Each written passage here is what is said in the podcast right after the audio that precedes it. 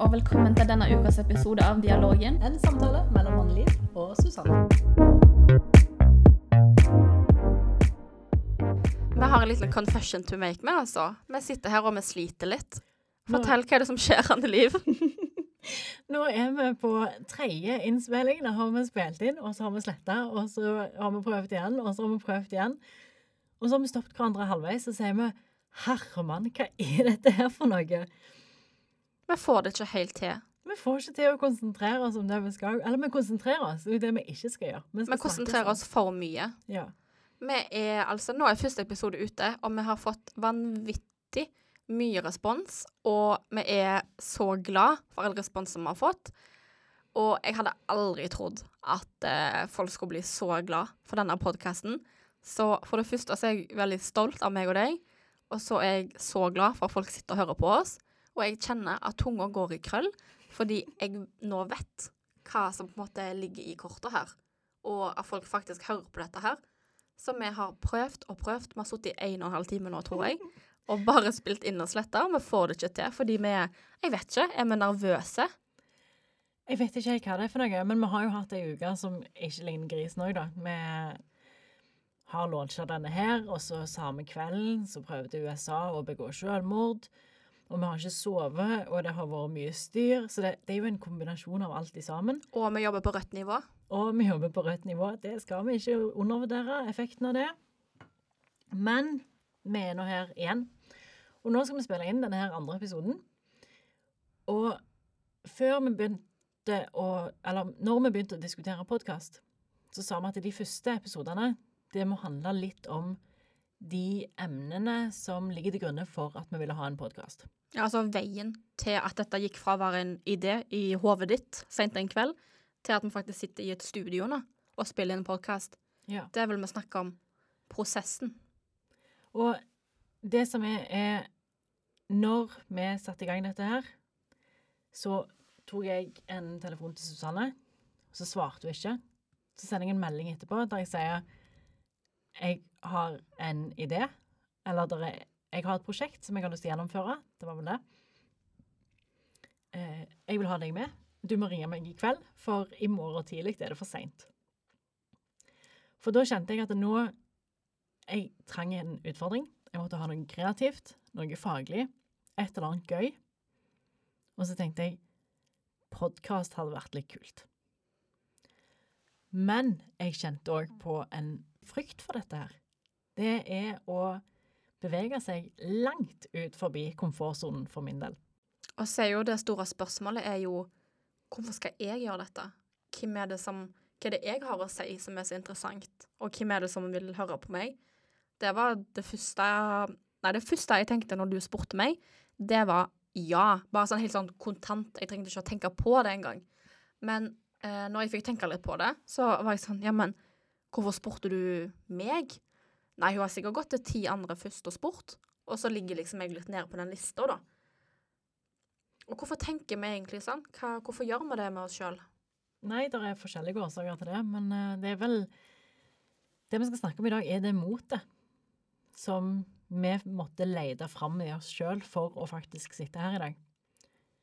For jeg visste at når jeg sendte den meldingen til deg den kvelden, jeg hadde vært og trent, jeg var full i endorfiner, og kjente at nå, dette vil jeg, dette må jeg gjøre, men det å si tanken høyt, få den, altså gi den et liv utenfor mitt eget hode, det satt veldig langt inne. Og så ser vi jo òg at etter vi nå har produsert dette her, etter vi har lagt det ut, og vi går jo litt all in òg, så har vi fått så mye tilbakemeldinger der folk sier Så tøffe dere er.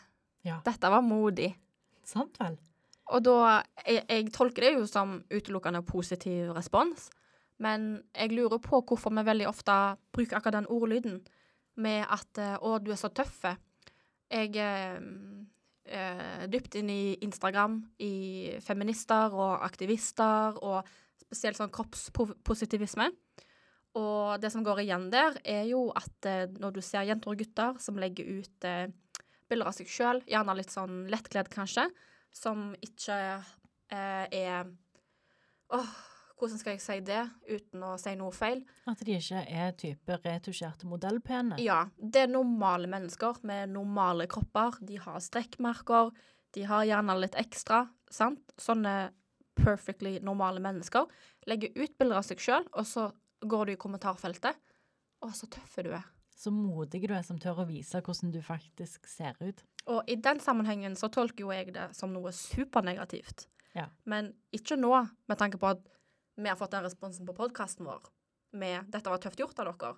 Jeg tolker det jo som noe positivt, men jeg- er allikevel veldig nysgjerrig på hvorfor bruker vi akkurat de ordene her om sånne ting. For de anerkjenner en modighet i oss med å si det. De sier at her har dere vært modige, her har dere vært tøffe, som faktisk har tatt det, streg, det steget å produsere og spille inn en podkast.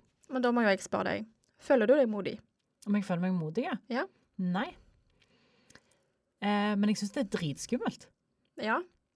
Og for å kunne gjøre noe skummelt, og overvinne det, så må du være Modig. Du må være modig. Men det er jo Sant. òg det at når du står i utfordringen Du føler deg aldri så svak som når du står midt oppi det. Og så kan du se tilbake igjen etterpå og tenke shit, det var litt modig av meg. Vi har sett på hva dette ordet betyr, da. Modighet. Hva er det for noe? Kan du lese definisjonen på det, Anne Liv? Definisjonen er evnen til å overvinne angst i en farlig situasjon. Sinnsstyrke til å våge noe. Det er det å være modig. Og vi har heltemot, vi har livsmot, vi har pågangsmot. Så Det er mange måter du kan ha det motet på. For eksempel eh, hold motet oppe. Sånn. Hvis, hvis du møter en form for motgang, så må du holde motet oppe. Ja. og nå kjører vi i gang på tredje innspilling her av samme episoden ved friskt mot. Veldig friskt mot. Nå har vi hatt oss en kopp te og stappet i oss en pose med skumnisser, så Nå er vi klare for det meste. Jeg har lyst til å dra en Montagne igjen, jeg. For han, Han- eh, definerer òg modighet. Han er velkommen i podkasten vår, han. Han er alt, jeg tror han må få egen spalte. Hva sier Montagne? Montagne sier det at eh, det er gjennom motgang og utfordring at vi utvikler oss. Og mot for Montagne vil derfor ligge ved menneskets eh, begrensning og vår innsikt i vår egen begrensning. For når en har vært gjennom motgang og utfordring, ser hva en kan tåle, så er det den sjølinnsikten en sitter igjen med etterpå, som viser mot. Så han skriver om hva du kan lære av mot, da.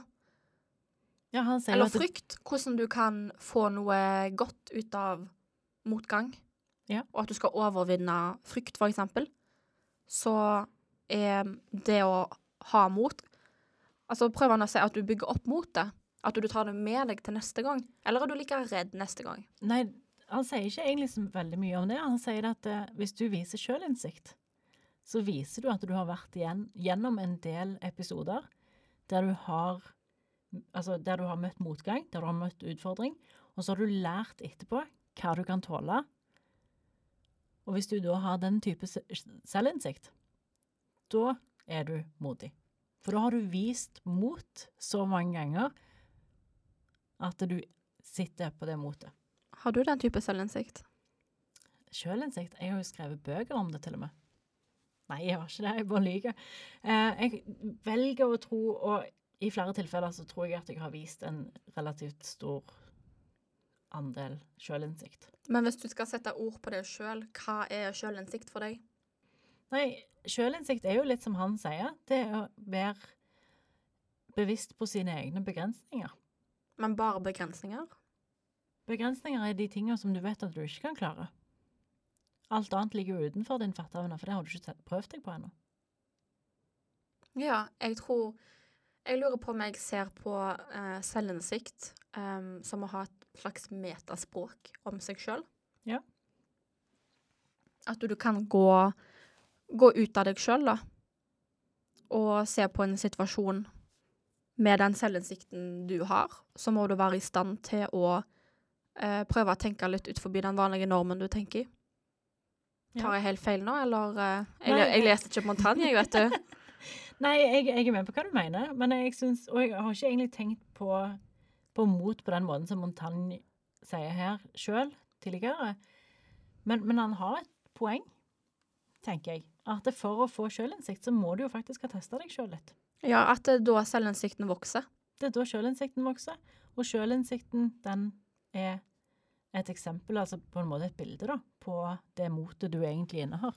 Ja, så vi kan si at alle er i stand til å ha selvinnsikt, men graden av selvinnsikt, den varierer etter hvor mye motstand du har møtt, og hvor mye du har vokst av det.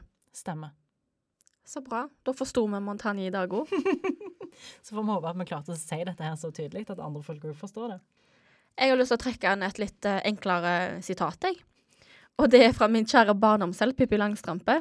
Og hun sier en ting som eh, de fleste har hørt om. Og hun sier det at eh, dette her har jeg aldri gjort før, så jeg får det helt sikkert til. Og tenk for en så vanvittig fin innstilling å ha til nye ting i livet. Når du skal gjøre noe du aldri har gjort noe før, så tenker du på Pippi, og så bare Yes! Jeg skal prøve. Men det er jo akkurat det vi gjør her. Ja, vi prøver jo. Vi har jo aldri lagt podkast før, så vi bare hopper. Og så tenker vi vi får jo til noe. Vi vet ikke hvor høyt vi legger lista, men for øyeblikket så, så klarer vi noe. Og jeg skal jo innrømme, jeg sitter jo ikke hjemme og leser mye Montagne. Det enkle er ofte det beste. Jeg har Pippi hengende på veggen hjemme. Pippi er best. Jeg har ikke Montagne hengende på veggen hjemme. Vet du hva, jeg har et bilde, jeg. Um, altså, jeg har langt rødt hår, sant? Jeg har et bilde fra da jeg var liten, hvor farmora mi fletta meg, og så stappet hun i strikkepinner i hodet på meg. Det bildet har jeg. Skal jeg legge det ut på Instagram? Det må ut på Instagram. Og jeg har på meg rette klær og alt. Jo, det skal vi fyke ut på Instagram. Så når det gjelder dette her med mot Hva er det egentlig som holder oss tilbake? For dette, når vi begynte å snakke om dette her, så har det gått i bølgedaler for oss begge to. Det har vært opp og ned og fram og tilbake. ene dagen så har du mista motet, en annen dag så har jeg mista motet. I dag mista vi motet begge to. Ja. Eh, ikke egentlig motet, for vi, nå har vi jo folk som, som lytter. Vi har fått såpass mye positive tilbakemeldinger at det er jo Ja, gøy. Vi har jo den rette drivkraften til å fortsette, men for en halvtime siden Hvordan var motet da? Nei, da begynte vi å tvile på egne evner, så totalt her. Det ble ikke en bra samtale, det ble ikke en god dialog, det ble ikke et godt samspill mellom oss. Men eh, vi, har, vi har vært fram og tilbake og tenkt hvem i all verden er vi som skal gjøre dette her? Og som jeg sa, du måtte svare den kvelden, for hadde du venta til morgenen etterpå, Da hadde toget gått, da. da hadde, tog, da hadde ikke jeg tort å si det igjen. Da måtte du vente til neste fullmåne eller et eller annet. Nå er jeg ikke så veldig inne i astrologi, så jeg bare tuller når jeg sier fullmåne. Men eh, det er ikke sikkert at jeg hadde vært akkurat på det stedet en gang til i nær framtid, der jeg bestemte meg for at dette skulle jeg gjøre. For deg var det jo på en måte de rette omstendighetene som gjorde det. Du hadde vært på trening, sant? Du var litt gira, du hadde overtenning, og tenkte at eh, nå, nå må jeg gjøre noe. Ja, jeg bare hopper. Hadde ikke du vært på trening den kvelden, så hadde du ikke hatt den tanken. Nei. Så da, da er det å hoppe med begge beina, og så ta sats, og så gjør vi det likevel. Så jeg hadde jo tenkt tanken tidligere. Det var jo noe, en idé jeg hadde begynt å flørte med. Hvorfor lagde ikke du noe podkast i forbindelse med jobb i Jo, vår? Men det var jo bare for å hjelpe elevene, sånn at de skulle slippe å sitte og gjøre mye tekstarbeid sjøl. Så lagde vi en podkast så de kunne høre på mens de var ute og gikk istedenfor. Så det var jo ikke for min skyld. Dette er jo et egoistisk eh, prosjekt som jeg og deg bare har det gøy med. Så det er jo noe helt annet. Da er det plutselig meg jeg skal prioritere, og gjøre noe som Ja, gjør, vi gjør jo dette her fordi det er kreativt, det er litt faglig, det er utfordrende. Og det er kjekt. Og det er kjekt. Det er kjempegøy. Iallfall nå når vi har uh, kommet oss på plass i skikkelig studio. Selvfølgelig. Det, det, det er nå det smeller. Men eh, sant, jeg har Jeg kjenner jo på det ofte at eh, Og det gjorde jeg. Vi gikk mange runder med oss sjøl her. Eh, Det er litt sånn lett for mange å si ja, dere er jo utadvendte, dere er jo tøffe, så det er jo helt naturlig for dere å gjøre det. Men vi har gått mange runder. Og du har oppmuntra meg, og jeg har oppmuntra deg. Og jeg har prøvd å oppmuntre meg sjøl til tider og tenke jo, men det er ikke så farlig. Bare hopp, bare gjør det. Så hva er det egentlig som holder oss tilbake i denne prosessen, når vi vet at det er såpass mye å hente? Hva er det vi er redde for? Bedragersyndromet. Ja, jeg eh, må ærlig innrømme og si at eh, jeg, jeg har tendenser til det, jeg. Og jeg har hatt det innenfor liksom de fleste eh, temaer i livet. Alt som er stort og viktig. Hvem i all verden ga meg ansvar for å oppdra to unger? Du, det var deg sjøl. Ja, sant? Men det kan jo være jeg ødelegger de helt. Det er én ting. Og så blir jeg gitt ansvar for en hel haug med elever her i liksom sin mest påvirkelige alder. Hvem, hvem sa det var greit? I fjor så bygde jeg på huset. Og da gikk jeg til banken og sa ja, kan jeg få så og så mange hundre tusen ekstra. Ja, sa de. Og jeg satt igjen og tenkte shit, flaks. Samtidig så var jeg var jo da livredd og tenkte hvem i all verden er det som gir meg dette ansvaret? Jeg husker da jeg var 18, fikk lov å begynne å kjøre bil. Kjempestort ansvar, tenkte jeg.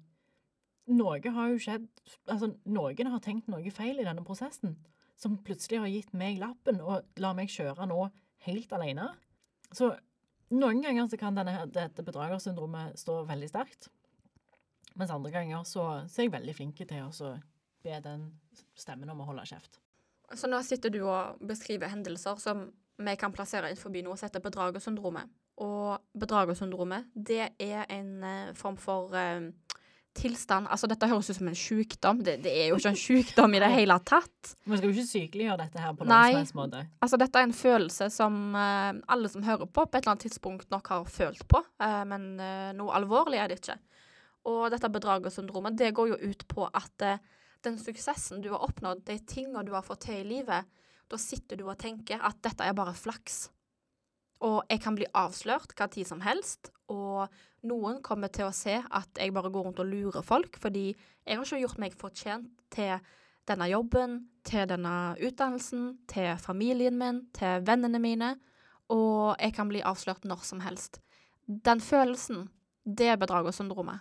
Ja. Og ja, det har fått et navn, men det er sånn som vi snakket om forrige gang òg, denne dialogangsten vår.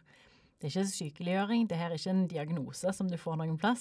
Det er den der stemmen og, som vi har inni hodet, den vi alle har, som noen ganger prøver å begrense oss, og som vi prøver å lære opp til å pushe oss istedenfor å begrense oss. Så for min del så er jo denne her, dette bedragersyndromet, er jo òg en drivkraft. Fordi at eh, jeg blir litt sånn Nei, shit, jeg skal ikke la meg begrense av dette her. Jeg må bare jobbe enda hardere. Og jeg må jobbe enda hardere òg for å bevise for folk at eh, jo da, jeg, jeg har lov å kjøre bil. Jeg har lov å oppdra disse ungene. Jeg har lov å ha denne jobben. Jeg har lov å legge ut en podkast. Fordi ja, jeg kan påvirke. Men litt- samtidig så er det jo noe du har jobba for, og det er jo alltid en grunn til at du gjør ting. Altså, du lager jo ikke denne podkasten bare for løye. Det er jo fordi det er noe du faktisk har lyst til. Og det samme er jo med bil. Når du lærer deg å kjøre bil, det er jo fordi du genuint har et ønske om å ha lappen.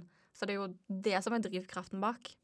Men så tenker jeg òg litt nå at ja, hvis jeg har lov å stå i et klasserom og snakke, så er det ikke så veldig mye i veien for at jeg skal kunne legge det ut på nett heller.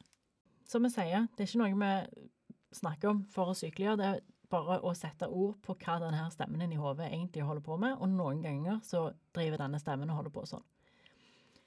Ingeborg Senneset i Aftenposten, hun har snakket om dette her. Det er ei av de tøffeste damene jeg vet om.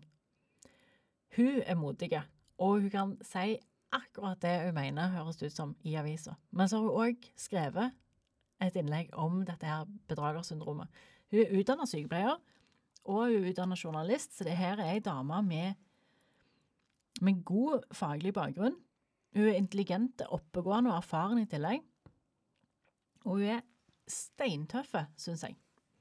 For hun kjemper for de sakene hun tror på, og, og går i, til kamp mot de som da står i andre enden. Med hun er det hovedsakelig vaksinemotstandere hun har, gått i strupen på. Eh, hun kjemper for eh, en, eh, en god og nøytral presentasjon av historien. Og folk som driver med fake news eller konspirasjonsteorier, det er de hun, hun går etter, på en måte. Men hun har snakket om, om bedragersyndromet, og sier det at eh, hun er redd for å bli avslørt. Hvem er hun som skal stå framme i media og fortelle denne saken? Og da tenker jeg at det vi må få denne her stemmen inn i hodet til å si da, det er litt sånn som hun eh, Emma Watson, hun Harry Potter-jenta. Harry Potter-jenta. Hun er Harry Potter-jenta. Hun kommer alltid for meg til å være Harry Potter-jenta. Men hun ble jo tatt inn i eh, FN for å snakke om um, en um, Var det ikke noe feministisk eh, Det var noe jenters rettigheter feminismekampanje, kan vi Ja. kalle det. Ja. He for she. Og da sto hun der, og så sier hun Hun hadde òg tvilt mye, vært fram og tilbake. Så sa hun Hvis ikke meg, hvem? Og hvis ikke nå, hva tid? Og det er litt, litt den du må si. Hvis ikke noen andre tar kampen, ja, så får jeg gjøre det. Og hvis ingen andre spør meg om vi skal lage podkast, så får jeg spørre sjøl. Sant. Og akkurat den innstillingen, det er jo en, et veldig bra verktøy for oss å jobbe mot bedragersyndromet. Når du møter på bedragersyndromet og tenker um, dette her, så kan du tenke deg, ja. Hvis ikke jeg skal gjøre dette her, og hvorfor skal jeg ikke gjøre det? Hva er det egentlig som står i veien for oss? Michelle Obama har jo også snakket om det en del. Og hun òg er jo ei som jeg tenker på som ei skikkelig sterke, tøffe, god dame. Hun har snakket mye om bedragersyndromet, og hun har jo vanvittig god utdanning. Type eliteuniversitet i USA. Krever mye for å komme inn. Det krever enda mer for å gå ut derifra med gode resultater. Og hun eh, sier det at det, spesielt da i møte med statsledere og sånn rundt omkring, så har hun følt seg veldig liten og ubetydelig. Og jobber da for å bekjempe denne stemmen inni hodet, som sier at eh, hvorfor er du her? Hva rett har du til å være her? Og hun er jo veldig åpen om dette bedragersyndromet. At det er noe hun har på en måte opplevd eh, så lenge hun kan huske, nesten. At hun føler hun går inn i et rom, og at eh, hun egentlig ikke hører til i det rommet. Når hun egentlig har like mye rett som alle andre til å være der. Og altså, vi snakker om Michelle Obama. Det er dronninga. Og det er helt vanvittig å tenke på at hun går rundt og tenker og har dette bedragersyndromet. Ja. Det viser jo bare at dette er noe som alle har. Du føler deg liten, og føler deg uh, uverdig, kanskje. Ja, hvis du skal sammenligne deg med hun, for eksempel, så kan du fort havne i den tankerekka der, ja, og tenke sånn. Så hvis hun kan føle sånn, da kan jeg i hvert fall meg òg gjøre det. Og så tenker vi at det, det at stemmen holder på sånn For alle har denne stemmen inni hodet, som må læres opp til å snakke sånn som vi vil at han skal snakke. Det er bedre med bedragersyndrom enn Dunning-Kruger-effekten. Ja, absolutt. Den er, den, den er jeg redd for oss å ha sjøl, og så ser jeg det ikke. Det er det jeg òg tenker når jeg da kjenner på bedragersyndromet og skal få det vekk og snakke meg sjøl opp, så tenker jeg sånn Kanskje det ikke er bedragersyndrom jeg har, kanskje jeg egentlig har Dunning-Kruger-effekten, at det er den som tar over. Eh, og så eh, Dunning-Kruger Vi har ikke definert det. Eh, kort sagt er det at folk med lite kompetanse og lite ferdigheter på enkelte områder vurderer seg sjøl altfor positivt. Du overvurderer seg sjøl. Hvem er det beste eksempelet på dette? Trump. I know everything about wind. Det var feil. Det var Texas-dialekt. Det ble helt feil. Men, uh, men han vet jo alt om alt. Og ingen vet så mye om alt som det han gjør. Han, uh, han lider av Kruger-effekten. Han gjør definitivt det. Men så er det jo denne her metagreia, da. Eh, eller er det en feil i Matrix? Er, er det Dunning-Kruger jeg har, eller er det bedragersyndromet? Eller er det en glitch in the matrix? Oh yes.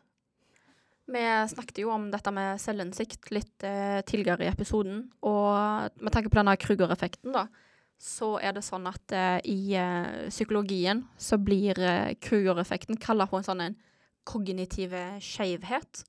Det vil da si at eh, mennesker som har lav kunnskap, de har det vi kaller for en sånn sviktende selvinnsikt. Altså de har veldig lite til ingen selvinnsikt i seg sjøl, da. Og dette bidrar da til at du, du er ikke i stand til å sjøl se at du ikke har kompetanse. Så på mange måter så vil jo det si at du på en måte møter livet da, med denne Kruger-effekten. Med at du alltid driver og overvurderer deg sjøl. Hva gjør du, Susanne? Hvis du, skal, hvis du står overfor en utfordring som er vanskelig, men som du må gjennom, men du kjenner at du egentlig ikke er tøff nok til å gjøre det. OK, så jeg må gjennom det. For en ting med meg er at jeg har blitt veldig flink til å sette grenser på meg sjøl. Så hvis det ikke er noe jeg må gjøre, og som jeg syns er ukomfortabelt og ikke har lyst til å gjøre, så har jeg lært meg sjøl å si nei. Men når det er noe jeg må gjøre, vet du hva jeg gjør da? Jeg bruker klokka. Det er en taktikk jeg har lært meg. Og det er at eh, hvis jeg for eksempel skal ha en muntlig eksamen, eller em, et intervju, for eksempel, så vet jeg at eksamen den begynner klokka ti, og da skal jeg inn og ha muntlig eksamen.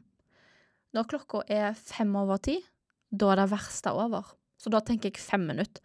For min del så er det sånn at det er det som bygger opp på forhånd, det er det som er det verste.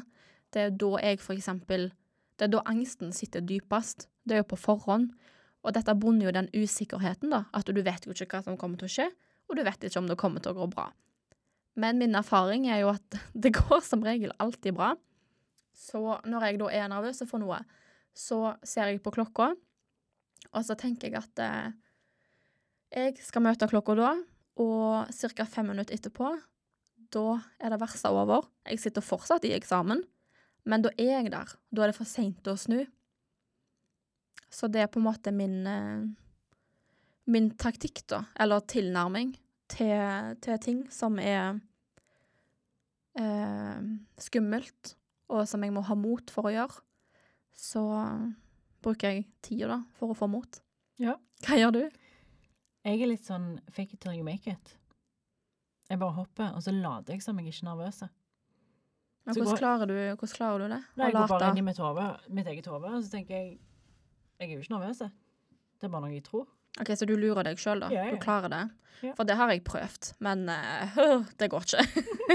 jeg kjenner jeg blir litt dårlig bare jeg tenker på det. Jeg kan ha situasjoner der jeg går inn, og så er det nesten total blackout. Men så er jeg sånn Nei, dette her kan jeg. Dette her skal jeg få til. Så jeg bare later som. Eh, og går ut igjen etterpå, så kan jeg ikke huske de første fem eller ti minutter. Det er helt svart. Jeg husker ingenting. Det er helt blankt. Ja, For hjernen jobber på, på Hjernen spreng. jobber, hjernen jobber med noe annet. Så jeg kaldsvetter som bare juling. Eh, men folk ser det ikke på meg, sier de. De som kjenner meg veldig godt, vil nok sikkert sitte. Men så er det litt sånn som du sier, at det Så jeg tror jeg blir nærmest slått ut av adrenalinkick, men så tenker jeg nei, jeg skal bare gjøre det likevel. Nå har jeg forberedt meg, jeg vet at jeg egentlig kan. Jeg skal bare late som. For egentlig så har det ikke så veldig mye å si. Det er veldig sjelden vi går inn i en situasjon som blir livsendrende. At hvis du ikke får det til, så er det løpet kjørt, og da er du ferdig. Så da tenker jeg bare nei, det, det her er egentlig ikke viktig. Jeg er jo egentlig ikke nervøs. Det her er bare tull. Og så gjør vi det likevel. Ja, Så du på en måte du snakker ned situasjonen, og så på en måte du driver og ufarliggjør det. Ja. Sånn at du vinner over det. Mm. Altså, jeg tenker at eh, vi begge to virker som vi har eh, gode verktøy for oss å jobbe mot det. Altså, for meg fungerer det, og for deg fungerer dette, sant? Jeg, det du snakker om nå, det, det har jeg prøvd, og det virker ikke for meg. Fordi det som skjer, er at jeg da har den blackouten du snakker om, den har jeg i hele løpet. Og der jeg mener på Montagne igjen. For da har vi den sjølinnsikten. Vi har gjort dette her mange nok ganger til at vi vet hva som fungerer. Med sjølinnsikten så viser vi mot. For det betyr at gang på gang på gang så har vi vært gjennom situasjoner der vi er pissnervøse og nærmest blackout, eller og jeg har grenet meg gjennom ting til tider til og med. Altså, men jeg vet jo hvor jeg står, hva jeg kan, hva jeg kan få til. Er det, er det lov å si at i eh, det som vi snakker om nå, den følelsen vi kjenner på Jeg vil si at det er angst. Det er Ikke, ikke som i di diagnosert nei, nei, ikke. Ikke, men- ikke diagnose, ikke noe angstlidelse. Men angst er jo en av de mest elementære menneskelige følelsene. Ja, skiller han seg veldig fra frykt?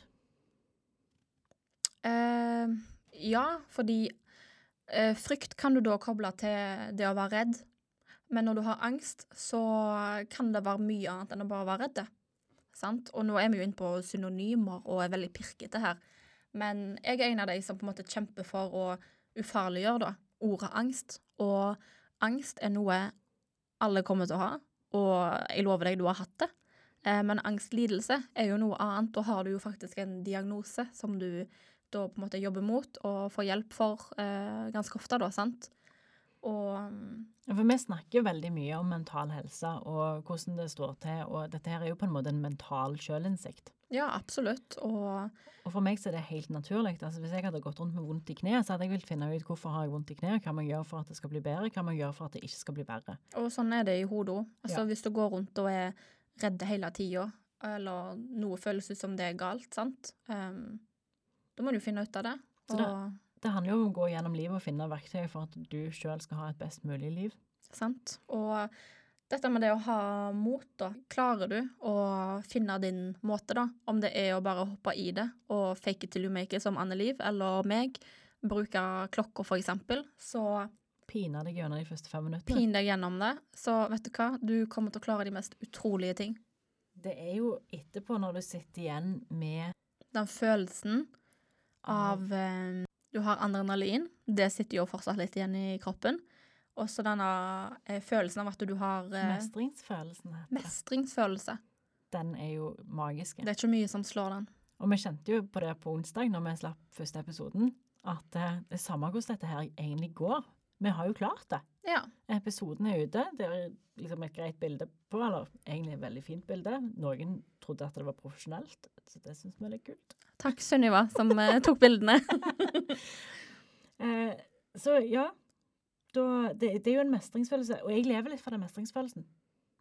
Ja, det, det er helt knall. Eh, en kollega her på huset har jo skrevet masteroppgaven sin om denne mestringsfølelsen i sånne skaperverksted, hvor du lager ting sammen, eh, som bidrar da, til at folk oftere skal ha denne mestringsfølelsen. Fordi det er jo en helt fantastisk følelse å kjenne på at du klarte noe.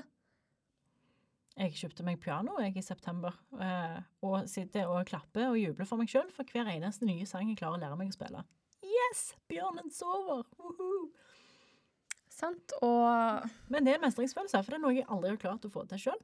altså, hvor lite Edvard, Edvard Grieg hadde jo bare fnyst av deg og snudd ryggen til deg. Men eh, drit i Grieg, sant? Eh, klarer du Bjørnen sover på piano og har mestringsfølelse av det, så er det vel fortjent, syns jeg.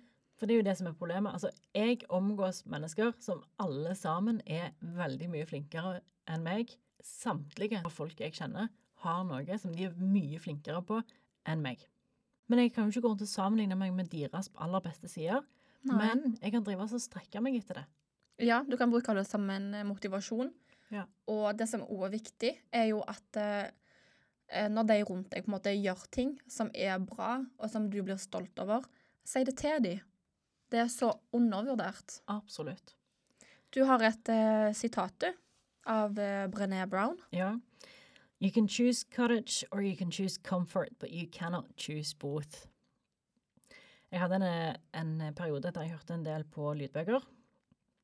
Mye ute gikk tur, og da var det bare å hive på en lydbok på øret mens jeg var ute og gikk. Og så fikk jeg anbefalt Brené Brown. Hvis du sliter litt med mot og mental styrke og alt dette her, så har hun en del bøker. Hun har skrevet 'Braving the Wilderness' og 'Daring Greatly', det er to av de. Og altså, Det er jo i selvhjelpskategorien, men, men hun har en fin måte å snakke på, og også en podkast som der, eh, der er mye interessant. Hun er jo litt den samme typen som meg, som hele veien vil lære noe nytt. For det handler jo òg om dette her med å sammenligne deg sjøl med Sånn som når jeg har alle disse fantastiske vennene, og de har kommet så veldig mye lenger enn meg på disse områdene, så kan jeg jo ikke sammenligne deres kapittel 10 med mitt kapittel 1. Altså, jeg gidder jo ikke sammenligne meg sjøl med, Nei, med Grieg, det- for nei, han dedikerte, jo, han dedikerte jo livet sitt til musikken, mens jeg begynte å klimpre på piano i en alder av 35. Jeg blir jo aldri en Grieg, og det er jeg helt innforstått med. Så det handler jo om å sette de små målene, og så komme seg framover og videre i ditt eget tempo og med dine egne mål. Og det viktigste er jo å ha det gøy. Du skal jo Altså, du skal fortsette så lenge det er kjekt. Så fortsetter du. Og når det lenger ikke er gøy, så ja, da må du prøve noe nytt. Eller ja. justere på det. Så, og mestringsfølelsen hjelper jo til at det, det, føles, det føles godt. Men eh, vi snakker om modig. Og da kan vi jo ikke snakke om det å være modig uten å nevne filmen Modig. Så da har vi nevnt den. Trenger vi å gjøre noe mer? Jeg ser den. Disney Pluss er ute. Disney pluss er ute. Det Det er er, å se en, eh, det er en god film, Jeg elsker jo den filmen. Jeg syns den er kjempebra. har mange gode Gode Og jeg tror jeg har sett den sånn tosifra antall ganger. For Hæ? Dattera mi elsker jo sånn. Å ja. Små unger ser de om igjen og om igjen og om igjen og om igjen. Og vi har sittet hjemme og lekt med pil og bue, for eh, vi fikk tak i en på Disney-butikken for noen år tilbake. Så ja, veldig koselig film. Tøffe jenter. Og jeg vi heier på filmer der det er tøffe unger, altså. Både jenter og gutter. jeg er jo sånn som liker mestringsfølelsen. Jeg oppsøker mestringsfølelsen. Setter meg i noen sånne små mål, og når jeg da har oppnådd det, så klapper jeg meg selv på skuldra, og så er jeg kjempefornøyd. Så av og til lurer jeg på om jeg nesten er en sånn adrenalin-junkie etter, etter mestringsfølelse. For jeg må utfordre komfortsonen, må sprenge den litt. Du hopper ikke i strikk, men du spiller piano. Nei, vet du hva? Det, det å hoppe i strikk, det frister meg ikke i det hele tatt. Nei, Altså, det er forskjellen på å søke litt adrenalin og mestringsfølelse enn å ha nesten et dødsønske. Altså, jeg kunne heller aldri Jeg, jeg, jeg stoler ikke nok på meg sjøl engang. Så hvordan i alle dager skal jeg stole på en strikk? Nei. Det er ikke noe for oss. Nei, men samtidig så kan jeg føle meg litt som en adrenalin-junkie på den Ja. måten. Men det kan du jo gjøre. Men du trenger jo liksom ikke hoppe i strikk eller hoppe ut av et fly eh, for å være en adrenalin-junkie. Altså, det kan du oppsøke på veldig mange måter. Mm, Oppsøkende i en samtale. Å ha den vanskelige samtalen kan for meg være sånn Det var jo ikke et adrenalinkick, men samtidig så blir det litt det. For dette, Ja. det er jo som vi sier, når du kommer ut av det etterpå og har mestra noe, har fått noe til, det har utvikla seg til noe bedre Det er jo ingen følelse i verden nesten som er bedre. Som jeg sa, Susanne. Jeg bruker jo eh, vennene mine som ting som jeg strekker meg etter, og folk som er veldig mye flinkere enn meg, som jeg kan se opp til for å bli bedre. Har du noen idoler som du Utenom sånn familie og nær omgangskrets, så um, er det nok spesielt ei som eh, skiller seg ut, da, som jeg på en måte ser ekstremt mye opp til, og som på mange måter strekker meg etter. Og det er da ei som eh, Altså, kan jeg si konsept? Uh, hun er kjent på Instagram som uh, Kirsebærhagen. Hun heter Kristina Fras, og hun er Åh, hva skal jeg si? For det første så er hun en eh, likestillingsforkjemper, og hun er eh, politisk eh, aktiv på den rette måten.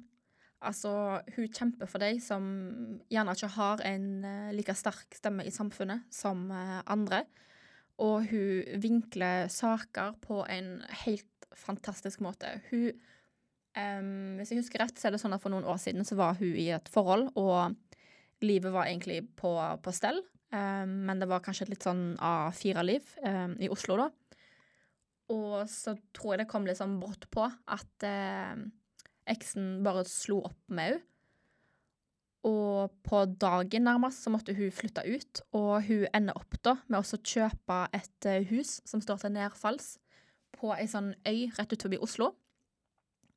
Så hun kjøper dette, og nå, noen år seinere, så har hun Hun har fortsatt ikke bad inne, eksempel. Hun dusjer ute. Eh, men hun har bare gjort dette huset om til nesten en sånn en eh, speilbilde av, av seg sjøl, og de tingene hun står for. Og alt med den dama og alt med dette huset er unikt, og det er dette hun lever av. Så hun eh, jobber for et sånn eh, publiseringsforlag hvor hun eh, driver med forskjellige prosjekter innenfor interiør og sånn. Eh, men hun bruker aller mest tid på, på saker hun brenner for, da. Og hun skriver veldig bra, og hun formidler det på en veldig god måte. Så hun ser jeg ekstremt mye opp til, og er et, et av mine største forbilder. For vi er liksom så nære. En ting er liksom å ha ja, Michelle Obama, for eksempel, som forbilde. Men Michelle Obama er egentlig litt langt vekke. Men Christina hun bor i Oslo. Vi er liksom vokst opp i mye av den samme konteksten, og med nesten samme alder. Og eh, vi har samme utgangspunkt, skjønner du. Så eh, derfor er, har jeg på en måte knytta meg til hun da, gjennom Instagram de åra jeg har fulgt hun. Så hun er nok eh, det største forbildet mitt. Hva med deg, da? Som sagt så har jeg eh, Jeg, jeg finner de i venneflokken. Eh, Jeg samler på venner som jeg ser opp til. Jeg tror ikke jeg har venner som jeg ikke gjør det. Eh, Jeg har tre brødre som eh, alle tre har eh, sine ting som de har holdt på å si tatt helt ut. Så det der er, der er, så, der er så mange, og det er så mye.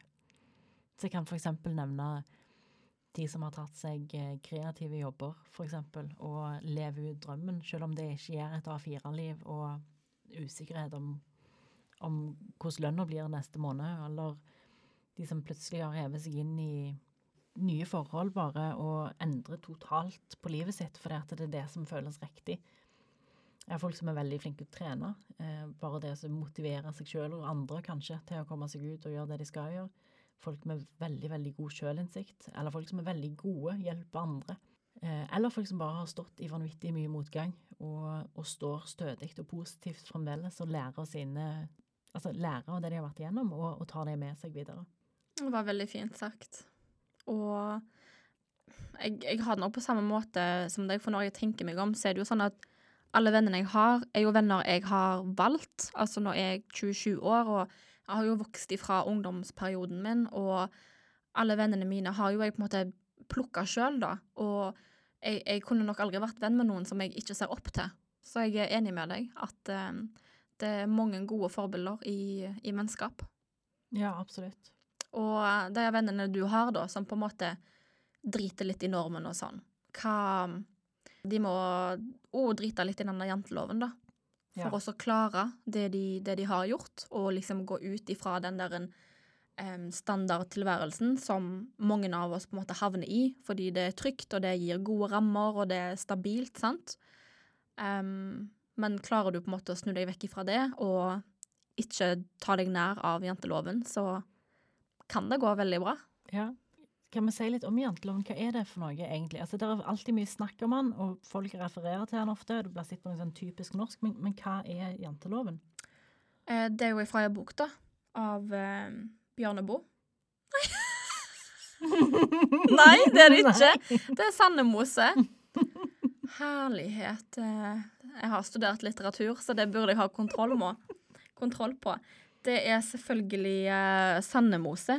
Eh, han har skrevet ei eh, bok om ei jente som er en sånn by som eh, blir styrt av et et eh, tyrannisk eh, styre, da.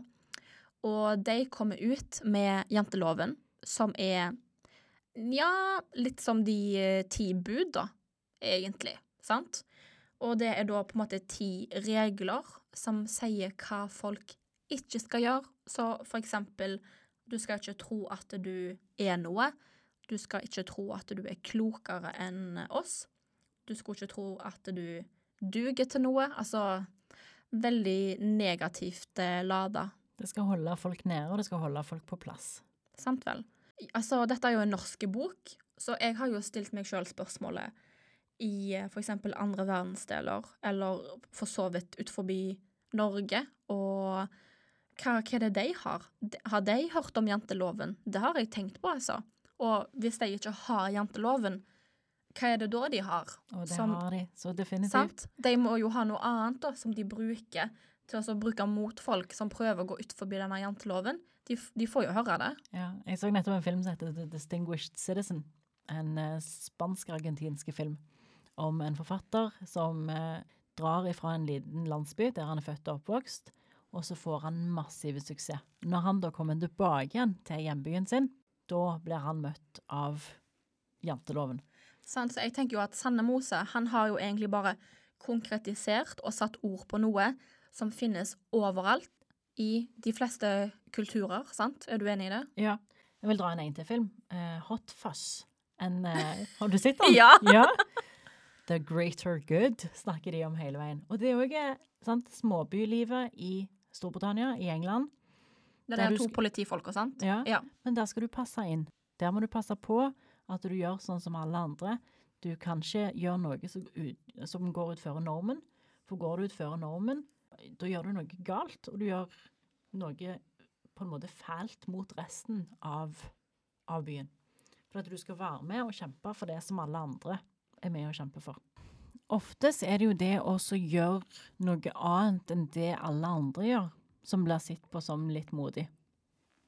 Og det er vel kanskje det òg Altså det å leve A4-livet, det å leve innenfor den tryggheten og de rammene av det som er A4, og gjøre sånn som alle andre gjør, er vel det som blir sett på som trygt, som blir sett på som fint, som blir sett på som den standarden som alle bør jobbe for å oppnå.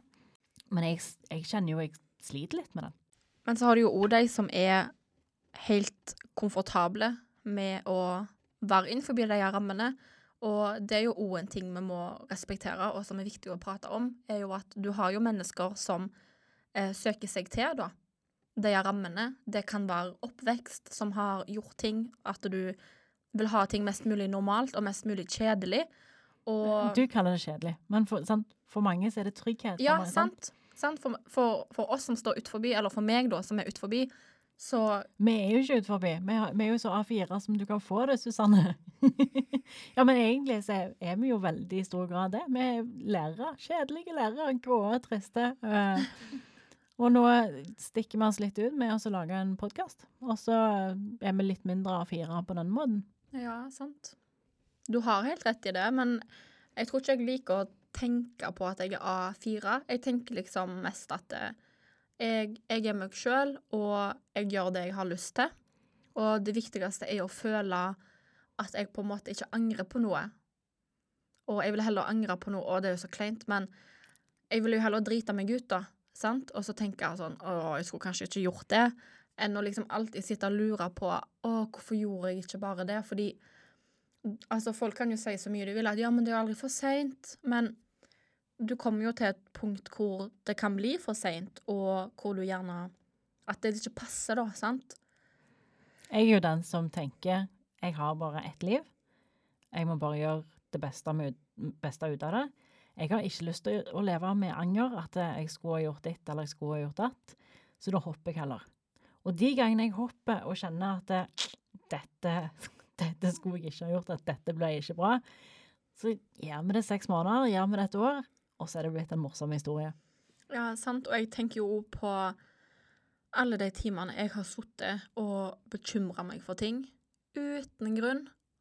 Og i 2020 så For meg var det et godt år, fordi jeg jobba veldig mye med å sette grenser og si nei til meg sjøl og til ting rundt meg, sant?